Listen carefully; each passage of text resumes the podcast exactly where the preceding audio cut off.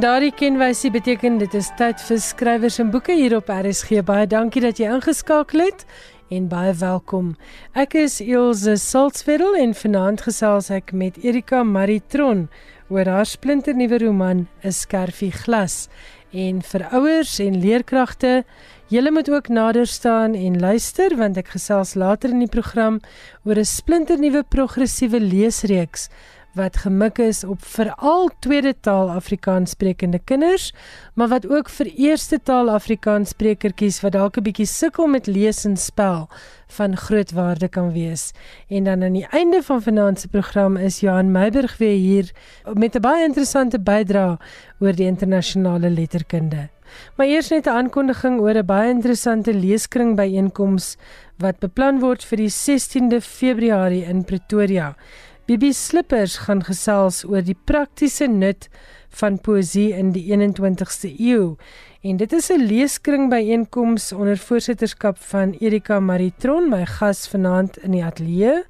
En hulle ontmoet Saterdag die 16de Februarie om 9:30 by die auditorium van die NG Kerk Linwood Riff in Linwood Riff Pretoria en kaartjies kos R80, dis by die deure beskikbaar en dit sluit tee, versnapperinge en veilige parkering in.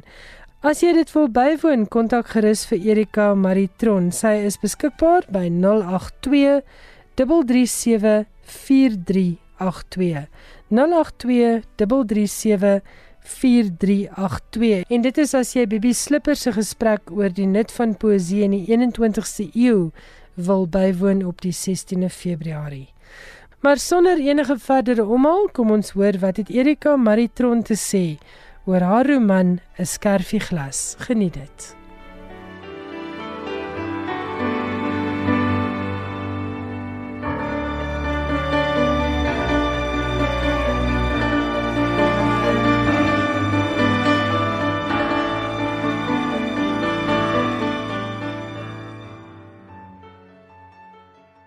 En toe is haar pa weer weg asof hy nooit gekom het nie. Hoe lank gaan hulle vier kinders nog in die Boland bly? In Pretoria het hy tog gepraat van 'n plan maak sodat hulle dalk weer na hom toe kan gaan, maar nou het hy niks daarvan gesê nie. Ankel Henny gaan saam met hom met die trein terug Transvaal toe en Ankel Pieter gaan weer Stellenbosch toe. En Anjoy klim op die trein na Wellington en Antleni se skoolkinders wag vir haar in die Vrystaat en haar oupa Henny vertrek op 'n veekooptog en haar ouma is daglank in die winkel. Die groot alleenheid sak weer oor Isie. Die groot groot huil behalwe dat sy nie kan huil nie. Een middag kom haar ouma in en neem haar aan die hand voorkamer toe en sy sê: "Kom sit hier by my." Haar ouma en Isie sit op die opgestopte bankie met die omkrul kopstuk aan die een punt. Die gordyne is toegetrek om die hitte uit te hou. Die meubels lyk groot en donker in die halfskemer. Haar ouma ruik na boerseep en lavendel en haar liggaam is vriendelik hier langs Isie en sy sê: Ek weet jou hart is seer oor jou mammie. Ek verstaan want ek het weer nie 'n vader gehad nie. Ek was ook 'n halwe weeskind soos jy. Maar die Here sorg vir weeskinders. Weeskinders is nie alleen nie. Die Here het jou so lief soos 'n moeder. Haar ouma sê: "Terwyl julle vier by my en jou oupa bly, is julle my kinders. Jy en Carrie is my dogtertjies." Toe sit Isie haar kop op haar ouma se knie neer en haar trane maak twee nat kolletjies op haar ouma se rok. Wat kry 'n mens van wie? Waar kom alles wat jy is vandaan? Weer en weer vra ek die vraag terwyl ek met Isie se storie besig is. Die spoed waarmee my dogters deur kos maak en huiswerk flits, kry hulle van my en ek kry dit by my hastige ma en sy het dit by Isie gekry wat nooit in haar eie huis geloop het as sy kon draf nie. En sy, dit weet ek, weer van haar besige ouma Bella en van disse hardwerkende ongetroude dogters Mimi en Kath. Dit dan net so lusmakertjie uit Erika Maritron se lieflike roman 'n skerfie glas. Erika, baie dankie dat jy die moeite gedoen het om al die pad Auckland Park toe te kom om saam met my in die ateljee te kuier. Baie welkom. Baie dankie. Dis lekker om hier te wees. Ons praat vanaand oor jou splinternuwe roman. Dit het so einde 2018 verskyn, 'n skerfie glas. En dis 'n pragtige familieroman. Dit is 'n uh, jou eie familie se geskiedenis, maar 'n pragtige manier om familiegeskiedenis op te teken. Vertel vir ons 'n bietjie meer oor die agtergrond. Hoe lank het jy gewerk? Waar die idee vandaan gekom? Al daardie soort inligting. Dis 'n idee wat al baie baie jare by my lê. Ek het ek het toe ek eintlik baie jonger was al gevoel ek wil eendag oor my ouma skryf, maar nie my Marie ouma nie. Jy weet daai familie is goed opgeteken maar my ma se ma. Omdat hoe meer ek oor gedink het, hoe meer het ek besef in hoe groot mate het groot geskiedkundige gebeurtenisse eintlik hierdie gewone lewe aangeraak. Goed soos die, die oorloë, die hele ontwikkeling van die van die Afrikaner geskiedenis het eintlik 'n impak op haar gehad. Die feit dat sy haar pa in die Anglo-Boereoorlog verloor het, het van haar 'n volle weeskind gemaak. Jy weet, dit het haar identiteit geraak. Dit het bepaal dat sy in die Kaap groot geword het waar haar ouma gebly het en dat sy so tipiese opleiding gekry het van van baie Afrikaner meisies daai tyd in in in Wellington by die uh seminar by die seminarie. Ja, ja, ja. ja. En toe het sy in Bloemfontein skool gehou en sy's getroud in die, in die naoorlogse tyd. Jy weet, mm. sy is in 1910 getroud. En toe trou sy met 'n jong met 'n boer, eintlik 'n ou wat ook 'n Boelander was, maar wat 'n plaas uh, bestuur het in die Waterberge wat 'n politikus geword het. Toe het die uh, rebellie het geïmpakteer op hulle lewe en die hele politieke geskiedenis van Suid-Afrika het 'n impak gehad op haar. En ek moes op die ou end ook daarvoor rekenskap gee, maar wat 'n wat 'n geskiedkundige goed het op my eie lewe impak gehad. Jy het nou net vir my gesê voor ons op die lig gekom het jy het baie jare hieraan gewerk. Hierdie is nie 'n 1 2 3 Ehm um, hier is my familiegeskiedenis. Ek sit dit gou-gou in boekvorm projek nie. Hoe het jy dit aangepak? dit het stuks gewys gekom en ek was ek het 'n ontsettende groot meevaller gehad toe ek nou regtig begin uh, navorsing doen oor haar. Toe tik ek eendag haar name, Isabella Johanna Malherbe, net so jy weet soos jy nou wil versvang eintlik op die mm -hmm. internet. En daar kry ek toe nou so waar is vir die naam, dis dit haar ouma by wie sy groot geword het, na wie verwys word in die lig van 'n wonderlike geskiedenis van 'n tante van my ouma wat Lord Milner aangedurf het in die Leeuhok in die Kaap eintlik. En die vrou wat die stukkie geskryf het in hierdie burger artikel, kry ek toe nou op die internet. En op dië manier het ek met haar kontak gemaak en van gaan kuier en sy ken daai familie se ins en outs. Maar sy is 'n hele geslag nader aan hulle. En en die familie is nou my ouma se familie, my ouma se ouma en haar kinders. Jy weet, ek is nou vierde geslag maar sy's 30. Sy's 'n kleinkind van 'n suster van my oupa grootjie. So sy kon vir jou baie persoonlike insig gee. Baie persoonlike insig, maar ook 'n rykdom van skatte en dokumente. Onder andere my ouma Bella, my ouma Isie, se ouma Bella se biddagboekies. Ons nou, 'n hele klomp van hulle, hele stapel, honderde inskrywings. Wat vir my hierdie lyn van hierdie boek gegee het, want dit is 'n lyn van vroue en die manier wat hulle op teespoed reageer.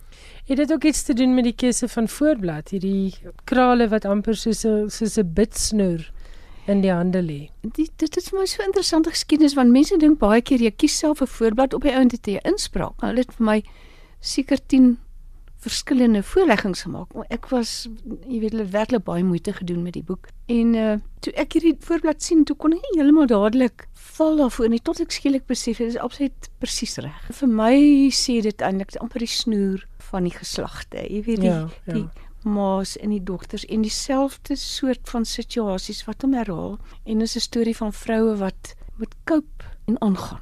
Ja. Ek is geïnteresseerd in hoekom jy 'n roman gekies het om hierdie verhaal te vertel en nie net doeteenvoudig 'n nuwe fiksie opskrywing van jou familie se geskiedenis. Was dit bewustelik? Ek weet nie, ek dink dit is amper 'n hybride tipe boek Ek dink dit was een probleem wat ek van die begin af daarvan gehad het. Ek het nie geweet wat gaan dit word nie. Wat my nogal op 'n manier op 'n pad gesit is is, is 'n boek van Geert Mak wat hy geskryf het, die, die eeu van my vader, waarin hy sy pa se geskiedenis gebruik en, wat feitelik die hele 20ste eeu beslaan het. Hy is aan die begin van die eeu gebore en teen die einde van die eeu oorlede. En die Europese geskiedenis, die oorloggeskiedenis, die Nederlandse, die kerkgeskiedenis reflekteer alles in daardie boek deur sy pa se spesifieke ervarings en waar hy hom bevind het en waar hy was. En ek later besef maar ek het eintlik hier 'n skat van goed. My ouma se lewe bestryk die hele voor Anglo-Boereoorlog lewe, die Anglo-Boereoorlog, die Pastoorlog, die nasionale Afrikaner bewussyn, die formulering van die politieke geskiedenis van Suid-Afrika tot die tyd waarin ek self lewe waar ons dit begin bevraagteken waar jy jouself moet Mm. posisioneer ten opsigte daarvan en jy kan nie waag om hierdie storie te skryf sonder jy gedwing is om dit te doen nie. So dit was 'n een moeilike ding as om het, om eintlik amper die vorm te kies daarvan wat hom half homself gekies het. Maar ook om te besluit wat se so ding het ek hier beet en toe derdens moes ek aanvaar ek moet self in hierdie boek kom. Ek kan nie apart staan daarvan nie. Dis interessant. Jy maak sulke um, opmerkings half tussenin en skryf so 'n bietjie tussenin uit jou eie belewenis, jou eie um siening van hierdie goeters en jou eie vrae rondom al hierdie kwessies. Ja, en op hierdie manier het miskien ietsie van 'n outobiografiese inslag ook. Maar die begin van die boek was meer in 'n romanvorm. Jy weet, mense sal ook sien dat op 'n stadium tree die skrywer bietjie dieper in die storie in en dan begin dit meer miskien 'n bietjie feitelik word. Alhoewel ek die storie probeer vashou soos dit aangaan. Het jy 'n bietjie uh vryheid geneem, literêre vryheid en hier en daar verder voortborduur op 'n stukkie verhaal of het jy streng by die waarheid soos wat jy dit ontdek het gehou? Weet jy, iemand het eendag vir my gesê as jy met historiese goed werk, dan die feite wat bestaan of die wat jy nou kan ontdek, moet jy presies weergee. Maar waar jy nie daai feite ken nie, mag jy op 'n ander manier 'n ooggetuie wees. Jy weet, ek dink 'n mens se verbeelding is ook 'n ooggetuieverslag op 'n manier. Ek het niks geskryf waarby ek nie self was nie. En ek het haar goed geken. Jy weet, dit is natuurlik ook 'n voordeel. Ek was haar oudste kleindogter, haar tweede kleinkind. En sy het vir my baie goed vertel en ek dink haar emosionele belewing van haar jeug het regtig 'n diep indruk op my gemaak. En jy dit onthou, so jy kon jy kon half dink hoe sy gedink het. Ja, ek was al omtrent so 19 of so toe sy dood is, jy weet, so Goed. ek was nog nie heeltemal groot nie, maar ek was nou nie meer 'n kind nie. Wat was vir jou die lekkerste deel van hierdie skryfproses en die navorsingsproses? Het jy nuwe dinge ontdek oor jouself? Het jy goed uitgevind oor jou ouma wat jy vroeër nie geweet het nie? Dit was 'n aaneenlopende pad van ontdekkings, want ek het met baie mense gepraat. En dit was my geweldig verrykend. Ek ek dink wat ek self daar uitgekry het was 'n baie diepe besef van dat die geslagte volg mekaar op. En ek is deel van daai string en dis goed so. En my dogters is deel van die string en my seuns, maar jy weet as ek nou Mm, oor die vroue mm. praat, ek het ook twee dogters. Ek het nou al 'n kleindogter wat 23 is. Dit is 'n onontwykbare, maar nie 'n ontstellende realiteit dat mense se lewens verbygaan en dat aan dat dinge aangaan. Ja, en dat dinge aangaan sonder jou en ten spyte van jou. Sonder Yes. jou ten spyte van jou, maar jy het nog die voorreg en die vreugde om om dit te ervaar en om dit te kan deel. Ja. Ek wil vir jou vra hierdie geskiedkundige hoofstukke wat jou ouma beleef het. Jy het nou gepraat van haar pa wat in die Anglo-Boereoorlog dood is, die rebellie. Watter deel van daardie stuk geskiedenis dink jy het die ergste behalwe nou dat sy weesgelaat is in die Anglo-Boereoorlog? Dit het haar hele lewensloop verander, maar watter van die ander stukke geskiedenis wat Afrikaner geskiedenis het, het die meeste geïmpakteer op haar lewe? Sou jy sê terugskouend? Kyk, dit is baie moeilik om te sê want goed impakteer emosioneel en intellektueel en ook prakties. Mhm. Die feit dat haar man 'n politikus was, het beteken sy het 6 kinders self grootgemaak plus 2, jy weet 'n neefie en 'n nicht jaar broerskinders wat sy in 'n groot huis in Helstroom moes grootsien en dit was 'n lewendige groot gesin. Dit was nie dit was emosionele mense. Was almal Hmm. nogal regtig sterk karakters. En haar man was meeste van die tyd, groot deel van die jaar nie daar nie, 6 maande weg. In die Kaap In die en daar was Kaap. nie destyds vliegtye en Nee, dit is maar treine of Mm. mm. motors en so. En dan as hy terugkom, dan moes hy nou die kiesafdelings besoek. Jy weet, so hy was bietjie 'n afstandelike pa. Hy was 'n ba- hy is baie lief vir sy kinders. maar uit die aard van sy omstandighede was hy nie daar nie. So ek dink sy was dikwels eensaam. Sy het verskriklik hard gewerk uit die omstandighede wat sy gehad het. Maar sy was nie 'n slagoffer nie. En daar lê nogal 'n groot boodskap, né? Ja. En wat het jy uiteindelik ook besef oor die rol van die vrou in ons eie taal en kultuur se geskiedenis? Meer respek as ooit tevore Meer na jou respek as- navorsing? Nie respek as ooit tevore. Weet jy, ek het nog Van ek begin skryf het stel ek belang in dapperheid, forme van dapperheid. En vrouens se dapperheid is baie keer onbesonge. Ja, ja. Net om op te staan, aan te trek, jou kinders reg te kry vir skool, te sien dat hulle daar kom, te sien dat hulle skoon is, te sorg dat hulle eet, te cope met huwelike, te cope met persoonlike interaksies met familie en met tragedie. met tragedie. Want Ja. ja, eintlik het daar ontsaglike hartseer goed met haar gebeur nou, né? Ja, ek wou vir jou vra, dit is nie ouma Isie nie, maar dis ouma Bella, jou grootouma wat vyf kinders aan die dood afgestaan het, né? Nee. Ja. Jy jy Ja. besoek ook daai deel van die geskiedenis. Ja, ja. Ek dink een van die groot geskenke wat ek uit die boek gekry het, was om haar te leer ken. Sy het vir my so realiteit geword. Jy weet dat ek in trane was partykeer oor haar. So jy het haar deel van die geskiedenis nie eintlik goed geken voordat het- jy hierdie Ek het ander daar dame ontmoet het ek nie. het dit begin ontdek. Goed. Ja. Kom ons praat 'n bietjie oor jou ander skryfwerk. Werk jy nou aan iets? Ek voel altyd sleg dat ek so erg stadig skryf, jy weet. Nee, Daar gaan maar jy 5 of hoef 7 jaar verby tussen boeke. Ek het op die oomblik 'n jeugboek wat ek al wat halfpad lê wat ek nou juis ver oggend sien ek daar is nou jeug jeugboek Kompetisie. kompetisie laat Ja. ek nou moet ek nie miskien maar net eenvoudig hierdie ding klaarmaak nie. Maar ek het nog nooit tevore so iets gedoen nie. So Ek dink weet nie- die, die jy praat van die Lapa jeugroman Ja. kompetisie. Ek dink dis 'n fantastiese aanmoediging vir mense wat belangstel om jeugverhale te skryf.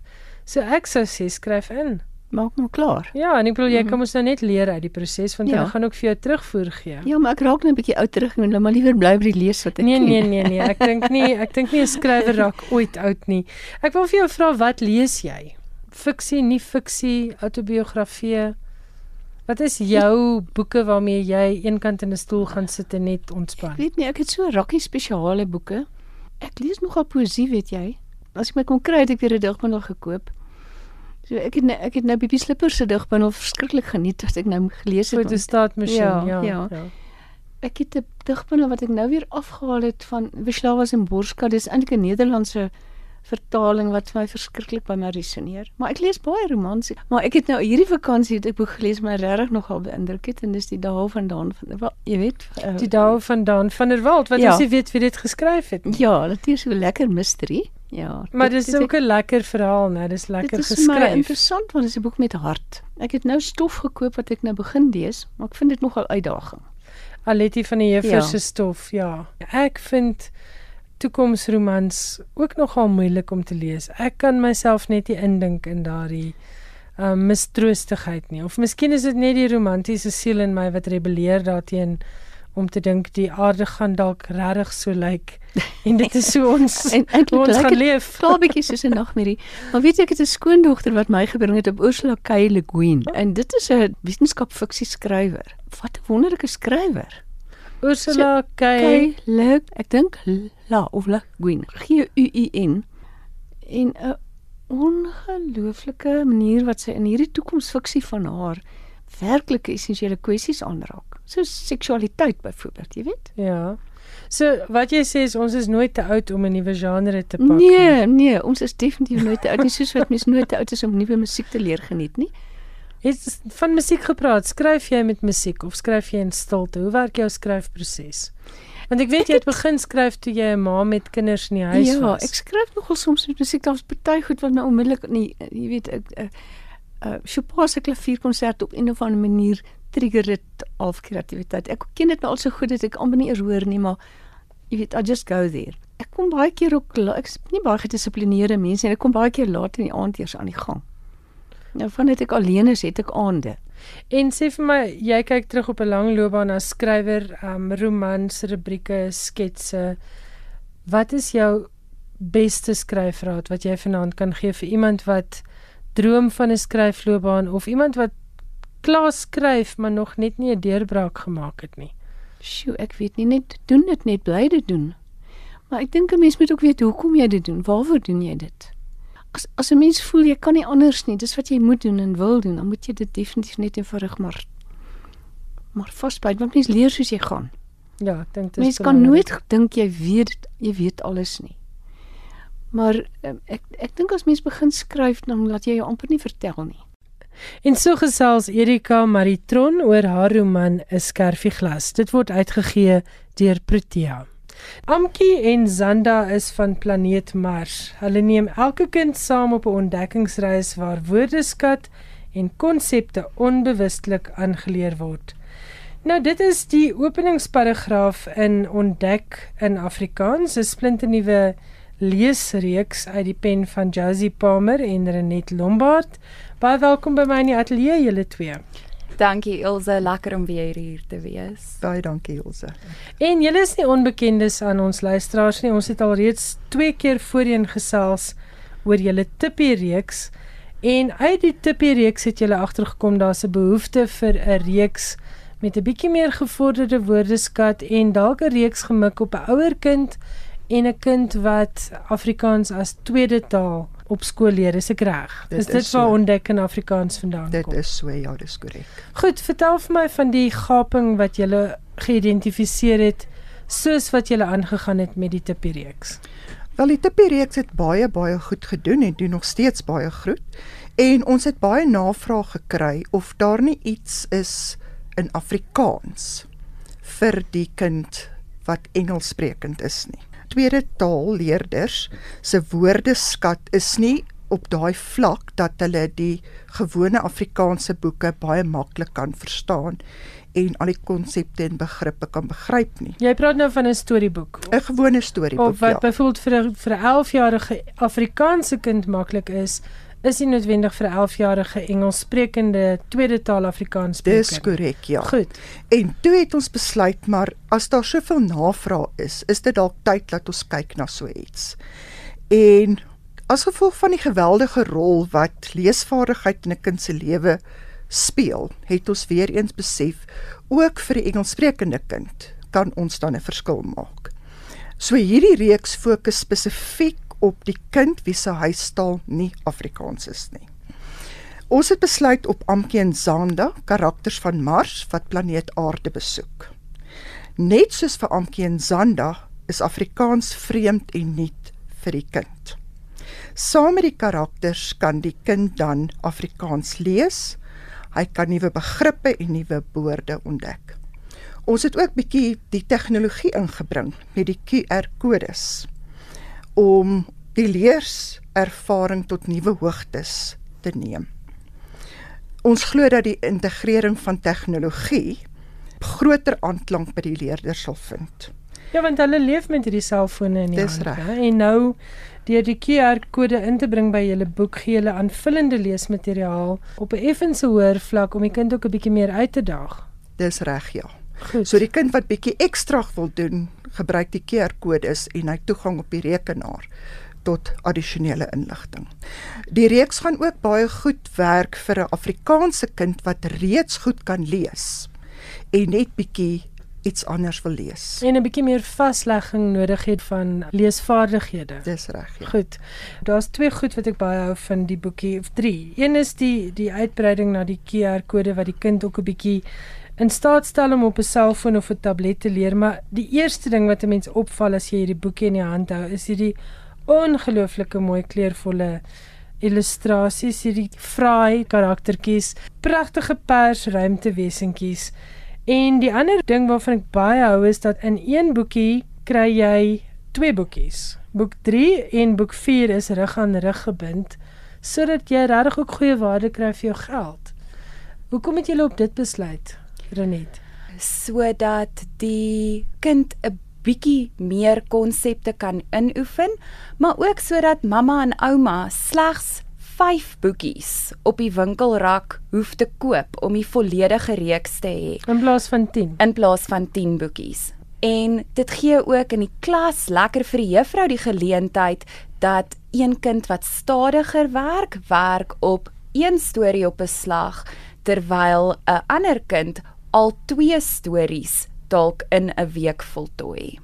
Goed, kom ons gaan terug na julle agtergrond. Julle is albei onderwyseresse van Nering, om dit so te stel. Josie, jy het amper 30, so 35 20 jaar nou. 30 jaar se onderwyservaring in spesiale behoeftes. Reinet is 'n outisme kenner en julle is albei in eie reg kenners van onderwys vir kinders met spesiale behoeftes. Wat is die belangrikheid van goeie leesvaardighede in 'n kind se lewe? Ilse, 'n kind wat nie kan lees nie, is 'n kind wat op die ou end nie kan leer nie. Op skool is dit hoe kinders nuwe konsepte, begrippe, inligting, feite bymekaar maak deur te kan lees. As ons in 'n omgewing buite rond beweeg, lees ons om sin te maak van dit wat rondom ons aangaan, ingang, uitgang, ehm um, advertensieborde, advertensieborde, straatname. So 'n mens moet regtig kan lees om te kan sin maak van dit wat rondom jou aangaan, um vorms in te vul. So ons het daardie begrip nodig, maar 'n kind moet ook kan lees vir ontspanning, vir ontvlugting, vir fantasie. Ek glo dat daar twee groot leerbeginsels is. En dit is met kinders moet leer deur te speel en kinders moet leer om te wees deur te lees. Nou wat het verkeerd geloop? Hoekom sit ons met hierdie geweldige agterstande in leesvaardighede? Elsa, ek dink die eerste probleem is dat toe ek en jy leer lees het, het ons leer lees met Sissendaan wat 'n progressiewe leesreeks was wat teruggegaan het na die basiese beginsels toe wat begin het met eenvoudige kort klanke Wanneer 'n kind kort klanke bemeester het, kan hulle aanbeweeg na dubbelklanke toe. Dan kan hulle beweeg na jou gemengde klanke toe. En ongelooflik van baie van die boeke wat vandag beskikbaar is, het tred verloor met hierdie ontwikkelingsbeginsels. So Tippie is spesifiek geskryf om 'n progressiewe leesreeks te wees vir baie jonger kinders. Dieselfde is waar vir Ontdek in Afrikaans met Amkie en Zanda. Dit is weer eens 'n progressiewe leesreeks wat fokus op ontwikkelingsbeginsels. So Amkie en Zanda se avonture begin met die kort klanke. Dan gaan dit oor na die dubbelklanke toe. So kinders wat al reeds hulle klanke ken, kan suksesvol lees. Hulle kan met begrip lees want hulle kan self die woorde klank om ja. sin daarvan te maak. So baie kinders vandag lees bloot op sig. En en geheue want hy onthou hierdie woordjie beteken die. Ja, 100%, maar jy kan nie al die woorde in die Afrikaanse woordeskat op sig herken en verstaan nie. Daar is net te veel van hulle.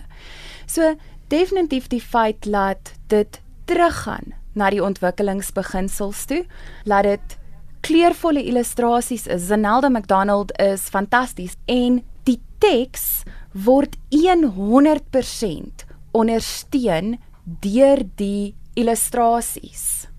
So onmiddellik oor daai koneksie tussen teks en illustrasies is, is daar begrip.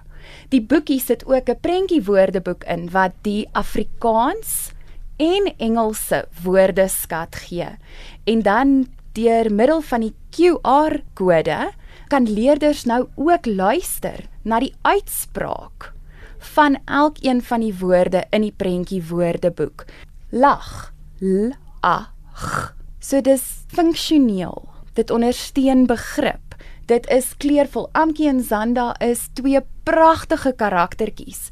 Maar ons het bietjie sielkunde ook hierdie keer ingebring in die skryf van die stories. Amkie en Zanda is van planeet Mars. Hulle verstaan nie Afrikaans nie. En saam met die leerders ontdek hulle en leer hulle nuwe Afrikaanse begrippe. Hulle ontdek 'n nuwe wêreld in 'n nuwe taal. Ja. Um en die tegnologie deel was so lekker geweest want as Amkie en Zanda iets nie verstaan nie, dan Google hulle dit gou. Soos wat kindertjies doen. Soos en soos wat kindertjies se ouers doen. 100%. Ja. hulle het ook 'n uh, um verran die robot wat soos Amazon se Alexa is en hulle kan altyd verran ook vra. Ran, wat is dit? En um Ran antwoord dan graag deur vir hulle te sê dit is 'n tor or. So daai ontwikkelingsbeginsels kom op 'n baie prettige manier die hele tyd deur. Amtjie en Zanda maak ook foute want hulle is nie Afrikaans nie. Hulle leer Afrikaans. Een van hulle is dit lyk vir my soos 'n by wat jou gebyt het. Amtjie? Bye byt nie, hulle steek lag Zanda.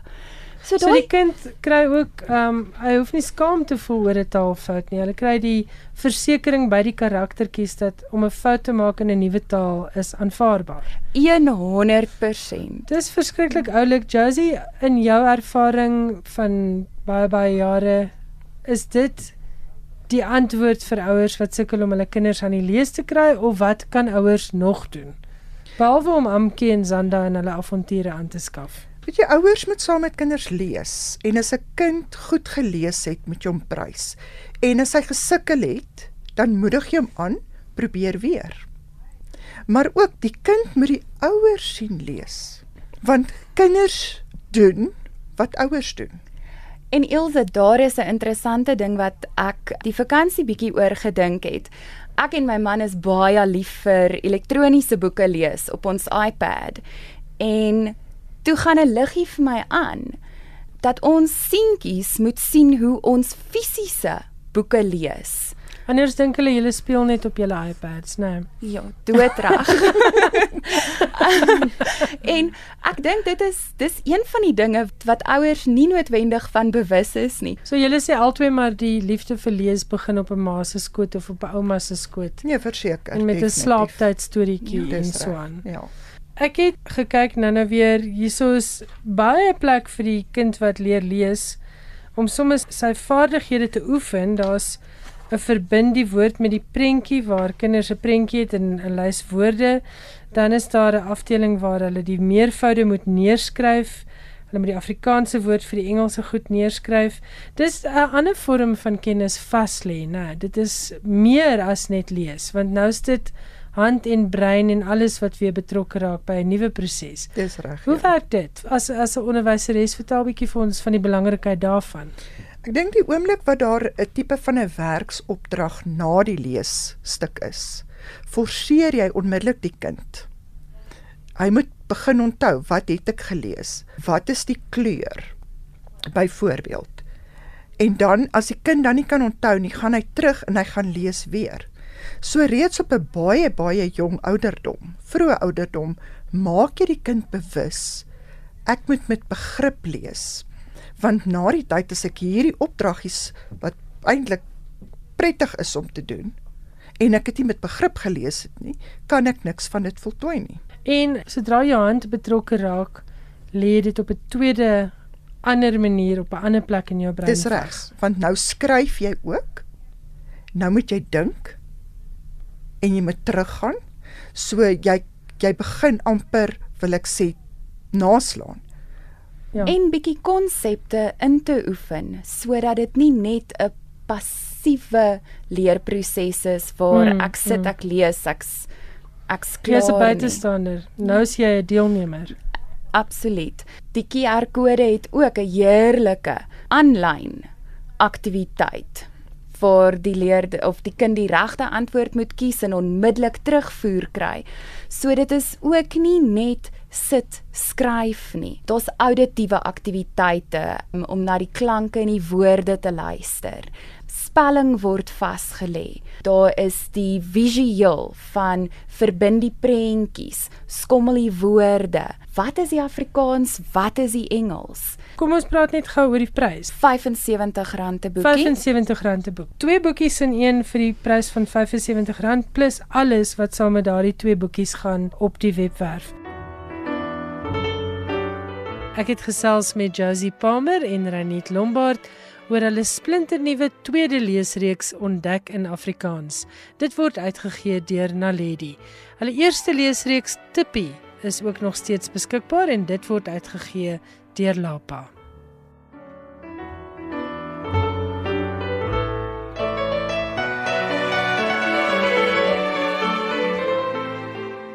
Ons sluit vanaand se skrywers en boeke ouer gewoonte af met Johan Meiburg se bydrae. Johan, baie welkom by my in die ateljee. Baie dankie. En jy praat vanaand oor 'n skrywer, Britse skrywer wat gesterf het en dan ook 'n paar ander interessanthede uit die internasionale boekewêreld. Dis reg ja. Kom ons begin. Ek skryf vir my vermaak eerder as om myself van iets te wil genees. Dit was 'n besondere gawe besef toe ek in my 80's dit agtergekom het. Moontlik is die opmerking aanduiding van Dahan Attil se onverskrokke omgang met woorde haar lewe lank. En die opmerking kry dalk nog meer trefkrag as 'n mens in ag neem dat sy die Costa-prys vir biografie in 2008 ontvang het op 91. Met die boek het sy die volgende jaar ook die National Book Circle Award verower. Dan Attil is verlede week op 101 in Londen dood na 'n kort siekte. Dit was veral as redakteur dat Attil diep spore getrap het in die uitgewersbedryf. Sy is teen die einde van die Eerste Wêreldoorlog in 1917 gebore tydens 'n lugaanval op Londen. Sy het aan Oxford gaan studeer en ten tye van die Tweede Wêreldoorlog vir die BBC se buitelandse diens gewerk. Na die oorlog het sy 'n vriend, Andrei Deutsch, gehelp om 'n uitgewery op die been te kry. In 5 jaar later, in 1952, het sy direkteur geword van die klein dog gesiene uitgewershuis Andrei Deutsch. Tot en met haar aftrede op 75 het heelwat skrywers haar pad gekruis onder andere Philip Roth, Norman Mailer, John Updike, Mordechai Richler, Simone de Beauvoir, Jean Rhys, Molly Keane, Stevie Smith, Jack Kerouac, Margaret Atwood en V.S. Naipaul. Haar eerste bundel kortverhale, An Unavoidable Delay, het in 1962 verskyn En in 67 het haar eerste roman verskyn, Don't Look at Me Like That. Dit het sy opgevolg in 2011 met nog 'n bundel verhale, Midsummer Night in the Workhouse. Maar dit was haar autobiografiese werke wat vir haar 'n plek in die letterkunde gegee het. Die eerste daarvan was Instead of a Letter in 1963. En na 20 jaar se stilte, After a Funeral 'n boek waarin sy skryf oor haar verhouding met 'n Egiptiese skrywer, Wagi Gali, wat homself in 1968 in haar woonstel om die lewe gebring het. Maar dit was dan somewhere towards the end van 2008 wat gereken word as haar sterkste autobiografiese skryfwerk. In sy huldeblyk skryf een Jack, die man wat haar redakteur by die uitgewer Granta was, oor die boek Ek het selde enige verandering voorgestel. Ek het gedink daar was te veel seks. Dit het vreemd geklink om dit te sê van 'n skrywer wat na aan die 90 was. Ek het dit met haar bespreek. Sy het ingestem en ons het die manuskrip verander. Daarna het nog 4 boeke gevolg. Die laaste een, 'n Florence Diary oor 'n besoek aan die stad in 1947. Dit het sy geskryf in 2016 op 99. Attil se kleurryke lewe het in 2010 gestalte gekry in 'n BBC dokumentêr Growing Old Disgracefully. Teen die einde van Yesterday Morning van 2002, haar boek oor haar kinderdae, skryf sy: It is not entirely impossible that I might, like my mother, come to the end of my days murmuring about some random memory. It was absolutely divine. Hier is dan Atil aan praat oor haar hoogte en laagtepunte. The lowest moment of my life, I know quite well, was when my mother came into my room and gave me a letter which told me that Tony was dead. This was the man who had left me and had married somebody else, and he'd been killed in the war. And so I thought to myself, well, at least that's the end of that. And then I thought, oh my God, it isn't. Because I had an awful image in my head of a bridge going out, and one of the things that held up the other end had been knocked away, and the bridge was still sticking out there into space. It didn't mean that I was going to stop being heartbroken by the bloody man. I still was. And that was the lowest moment of my life. And I think the best moment of my life, in fact, I'm sure the best moment of my life, I started writing, before I wrote my book, I started writing stories. And they came out of the blue. And I hadn't, hadn't taken them really very seriously, but I was enjoying writing them a great deal. And I had sent one of them off to the Observer, was having a short story competition. And this was early in the spring. And you had to send it in, and you had to send in with a, you had to do it under a pseudonym. And I had just won a small sum of money on the horse who won the Grand National, who was called either Mr. Who or Mr. What, I can't remember which. And so I called, I used his name. And um, I think it was Mr. What. And then the year went by, and I read it, didn't remember doing this at all. It had gone completely out of my head. And on December the 21st that year, which is my birthday, the literary editor of The Observer telephoned me in the office and said, Diana, I think I've got good news for you. And I was very pleased because I had just been going to write to him to say, Look, did you get a copy of this book of ours?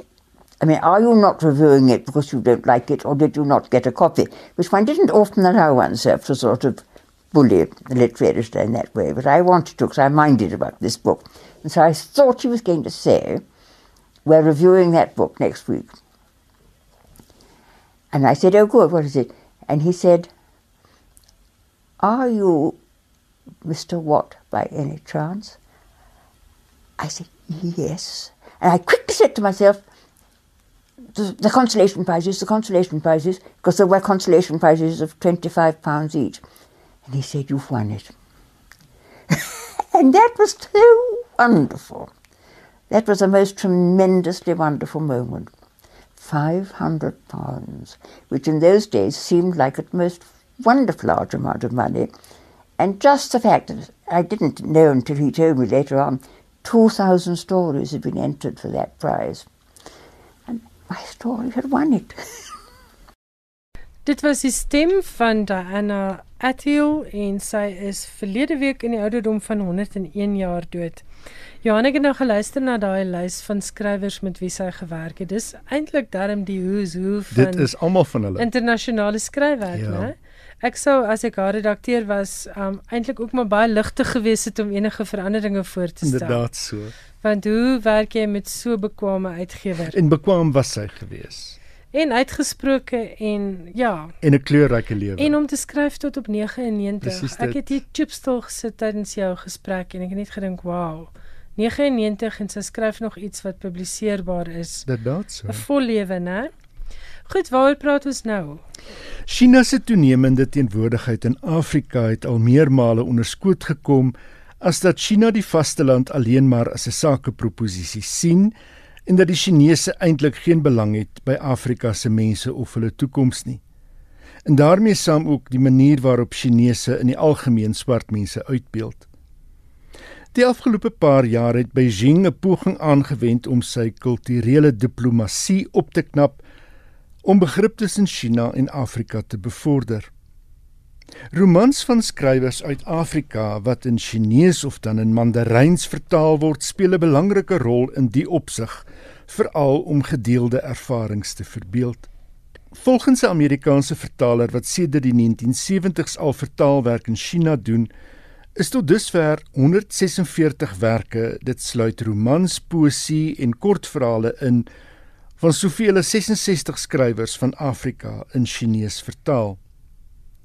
Dit sluit vertalings in uit Engels, Frans, Arabies en Portugees onder andere van die Nigeriese skrywers Wole Sejonka en Chinua Achebe, die Egiptiese skrywer Naguib Mahfouz, Kenia se Ngugi wa Thiong'o en Suid-Afrika se Nadine Gordimer en James Kutse en so ook Miakutu van Mosambiek.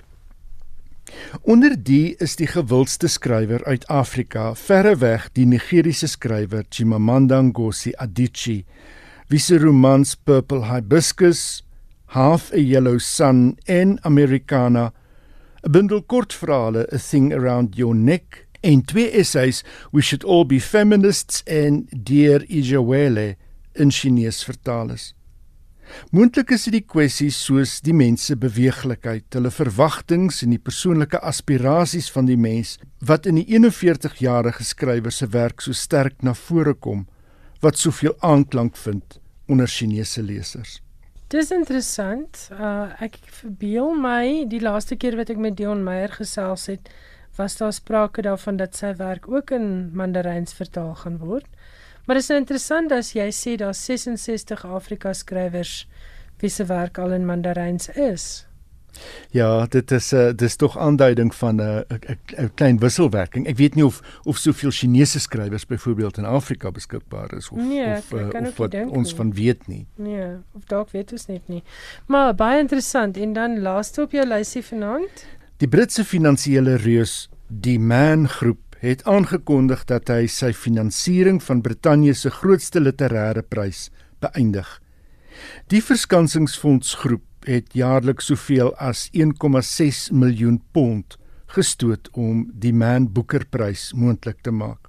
Intussen het die Booker Prys stigting gesê, hoewel hy teleurgesteld is in die Man groep se besluit, raak die besluit nie die 2019 Man Booker of die 2019 Man Booker International nie. Die stigting het aangedui dat hy reeds in gesprek is met 'n moontlike borg vir 2020. Daar is aanduidings dat die verhouding tussen die borg en die prys die afgelope paar jaar gespanne was en dat die borg gevoel het hy word nie na regte waardeer nie. Verlede jaar het die skrywer Sebastian Volks uitgevaar teen die borg en die Man groep die vyand van die prys genoem. Hy het bygevoeg dat die Man groep nie die soort mense is wat literêre pryse behoort te borg nie. In die verklaring waarin die Man groep die beëindiging van die borgskap aangekondig het, is geen melding gemaak van kritiek nie, maar wel gesê die borgskapgeld sal elders aangewend word en ek haal aan om die diversiteit en inklusiwiteit van die firma te bevorder. Die Man Groep het die prys die afgelope 18 jaar geborg. Die prys het in 1969 tot stand gekom en die wenner het in daardie jaar prysgeld van 5000 pond gekry.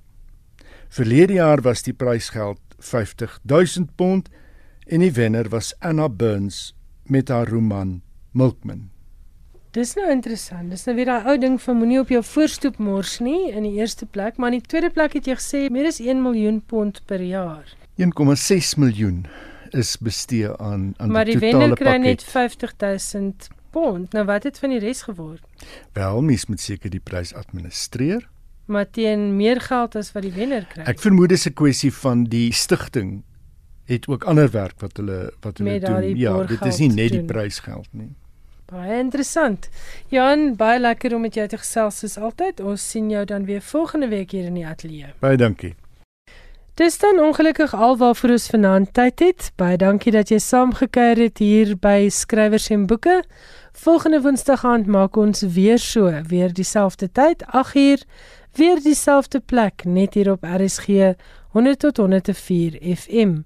My e-posadres is skrywersenboeke@rsg.com www.rsg.co.za. Tot volgende Woensdag aand. Totsiens en lekker lees.